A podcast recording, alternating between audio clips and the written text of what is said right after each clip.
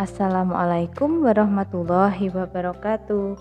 Halo anak-anakku semuanya, apa kabar kalian hari ini?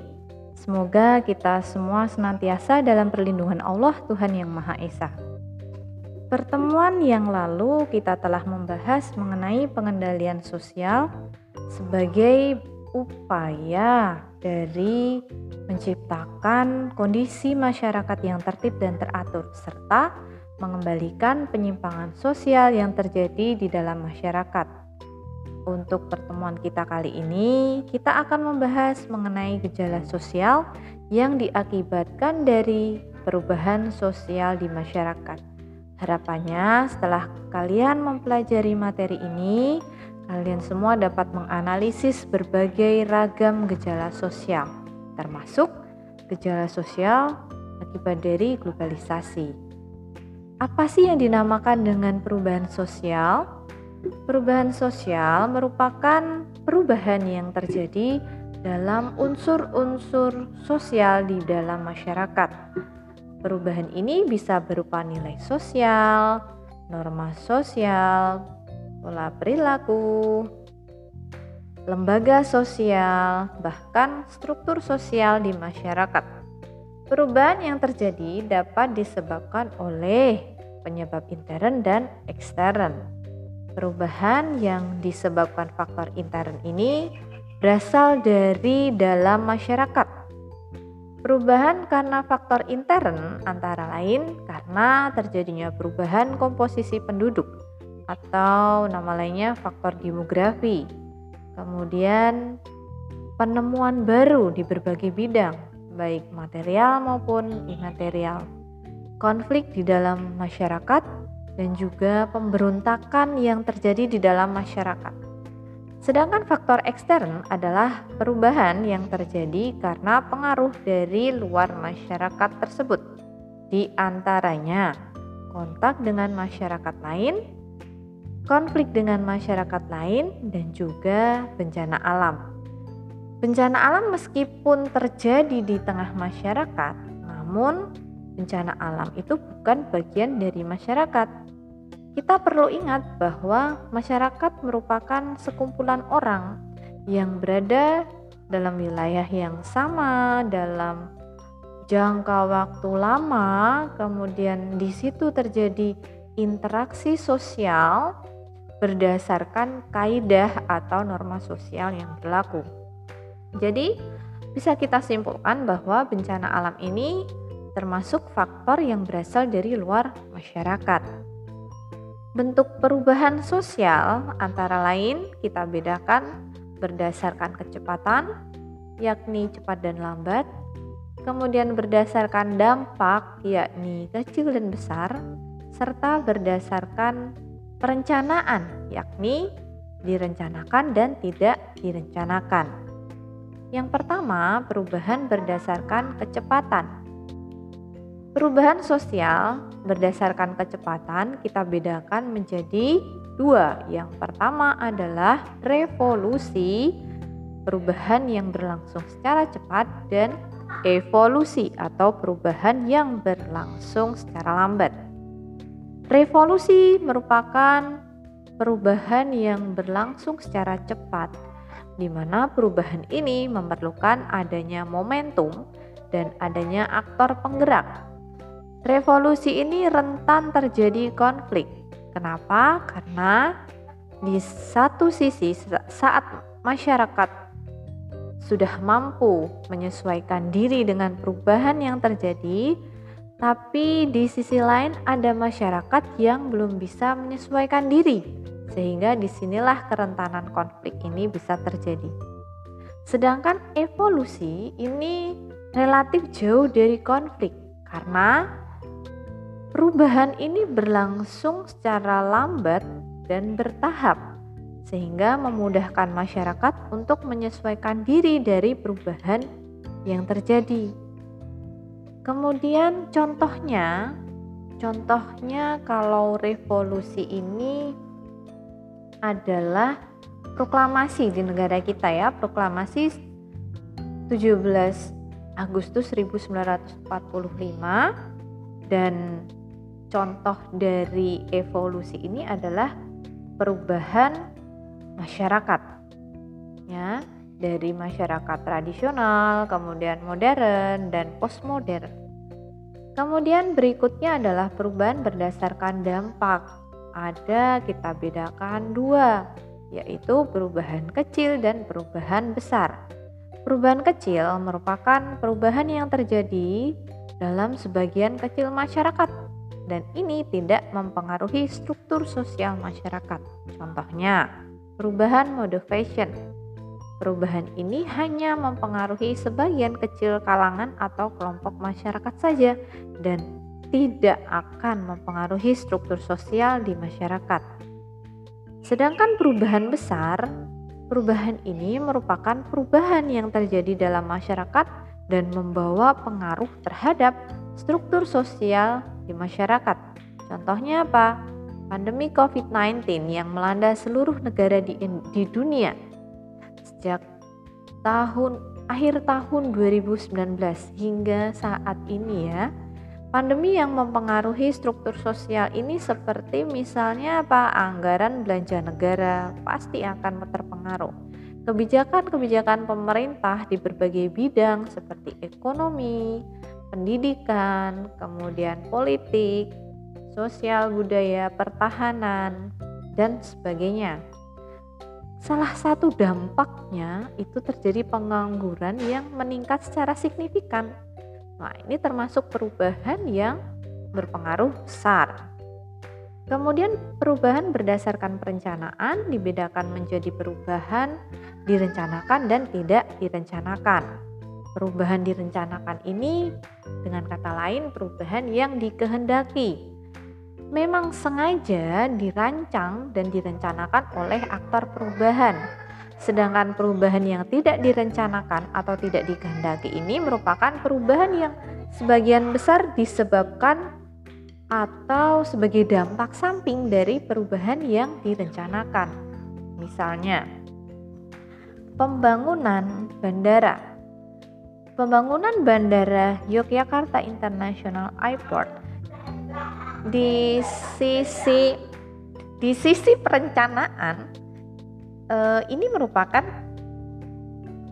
pembangunan perubahan yang direncanakan. Namun di sisi di sisi lain dia juga mempunyai dampak yang tidak direncanakan. Yaitu apa? Yaitu dia membawa dampak negatif atau dampak. Nah, sebagai uh, dampak sampingnya itu ya orang-orang direlokasi. Nah, kemudian untuk pembahasan lebih lanjut mengenai perubahan sosial itu akan kita bahas di kelas 12. Nah, di sini kita hanya membahas sekilas untuk pengantar pengetahuan kalian bahwa gejala sosial dapat terjadi akibat adanya perubahan sosial. Nah, salah satu subtema dari perubahan sosial ini adalah globalisasi. Apa yang dinamakan dengan globalisasi? Globalisasi ini merujuk pada konsep di mana dunia dianggap menjadi satu ruang atau dengan kata lain terjadinya kompresi ruang dan waktu. Ruang itu memapat menjadi satu kesatuan global. Konsekuensi dari hal ini adalah terjadinya kaidah global. McLuhan bahkan memperkenalkan istilah desa global untuk menggambarkan dunia yang menyusut sebagai akibat dari adanya perkembangan teknologi dan informasi. Kita bisa membayangkan dunia yang tanpa batas. Perdagangan, perpindahan orang, perpindahan barang, termasuk juga budaya dapat berpindah sesuka hati dari satu tempat ke tempat lain. Saat ini, jika kita hendak makan sushi, tidak perlu jauh-jauh pergi ke Jepang, harus ngurus visa, kemudian paspor, tiket mahal ke Jepang, tidak perlu. Tidak perlu. Ya kan? Nah, restoran Jepang sudah menjamur di sekitar kita. Kita akan menikmati pizza sebagai makanan khas Itali. Kita nggak perlu datang ke Itali, cukup dengan sentuh layar ponsel pintarmu pizza akan ada di hadapanmu. Kita menginginkan buku dari saudara kita yang ada di luar pulau. Tinggal kirim, maka perusahaan ekspedisi akan mengantarkan buku itu ke rumahmu. Sangat mudah dan sangat simpel. Berita tentang gempa di Sulawesi Barat yang terjadi beberapa waktu lalu juga cepat menyebar ke seluruh penjuru tanah air, bahkan penjuru dunia. Orang-orang beramai ramai mengirimkan logistik, mengirimkan bantuan berupa makanan, uang, dan juga keperluan yang lainnya untuk membantu saudara kita yang membutuhkan. Dan itu terjadi dalam waktu yang singkat, cepat, tanggap, ya kan? Tidak hanya itu, penggunaan bahasa Inggris sebagai bahasa komunikasi internasional saat ini juga sangat penting. Kita dituntut untuk mampu memahami dan mengerti bahasa asing. Tidak hanya bisa berbahasa ibu saja, misalnya bahasa Jawa bagi kita yang suku Jawa dan tinggal di Jawa, serta berbahasa Indonesia. Musik dari penyanyi luar negeri juga mudah sekali kita dengarkan dari berbagai aplikasi yang ada. Kita tinggal buka handphone atau buka ponsel kita, kemudian browsing uh, di laman pencarian atau mungkin di aplikasi-aplikasi pendengar musik, kita bisa mendengarkan musik dari para artis dari mana saja, ya kan? Kemudian kita mau nonton film, film dari luar negeri, baik film barat, film Eropa, film Amerika, film yang berasal dari Jepang, dari Korea. Nah, itu mudah sekali kita streaming dari berbagai macam aplikasi yang ada. Ya kan? By the way, drama kesukaan kalian apa? Nah, dari contoh-contoh bukti adanya globalisasi, dapat kita lihat ya bahwa globalisasi ini memang sesuatu yang sudah menjadi bagian dari kehidupan kita saat ini. Globalisasi sudah menyatu dalam keseharian kita semua. Tentu hal ini membawa dampak yang besar bagi kehidupan kita semua. Globalisasi ini seperti dua sisi mata uang yang mempunyai dampak positif di satu sisi dan dampak negatif di sisi lain. Nah, kira-kira apa saja dampaknya bagi kehidupan kita selain tentunya mempermudah kehidupan kita tentunya. Nah, nanti kita akan diskusikan dalam Google Classroom ya. Nah, kita bisa ambil contoh lagi nih. Dari video yang bisa kalian lihat di Google Classroom yang saya share, kita bisa tahu bahwa penggunaan handphone saat ini itu sama dengan tadi ya sebagai dampak positif dan negatifnya. Itu sangat handphone sekarang itu sudah menjadi bagian dari diri kita keseharian kita. Kita bangun tidur pakai handphone lihat handphone. Kemudian mau tidur juga handphone yang kita cari kita melakukan pekerjaan kita kita belajar itu juga bisa menggunakan handphone. Kita mau mengirim sesuatu atau meminta sesuatu, bukan meminta kepada kepada itu ya, tapi kita mau menginginkan sesuatu. Nah, mungkin yang tepat itu menginginkan sesuatu itu bisa kita lakukan melalui layar ponsel kita. Jadi dari sini ini sebagai salah satu contoh bukti bahwa globalisasi ini memang nyata di hadapan kita dan ini sudah menjadi bagian dari diri kita, keseharian kita. Kita tidak bisa lepas dari adanya globalisasi. Coba bayangkan kalau sehari saja kita tidak ada handphone, pasti kelimpungan ya kan? Bukannya kita terus kemudian menjadi candu yang yang buruk ya, tapi memang sekarang saat ini teknologi informasi ini menjadi sebuah kebutuhan tidak hanya sekedar candu yang memabukkan tetapi sudah menjadi kebutuhan. Kita mau melakukan apa saja itu menggunakan teknologi komunikasi. Kita mau berbicara dengan keluarga kita yang ada di luar pulau dari luar negeri teman kita yang di upload di luar negeri atau dengan siapa pun kita menginginkan barang yang berasal dari luar negeri itu sekarang mudah, saking mudahnya. Tinggal sentuh dan kirim. Uang pun juga demikian. Uang itu sekarang sudah tidak hanya sebatas uang uh, wujud fisik gitu loh. Uang secara fisik. Tetapi sekarang sudah mulai banyak berkembang yang namanya e-money, electronic money, uang elektronik. Jadi uang kita itu wujudnya elektronik.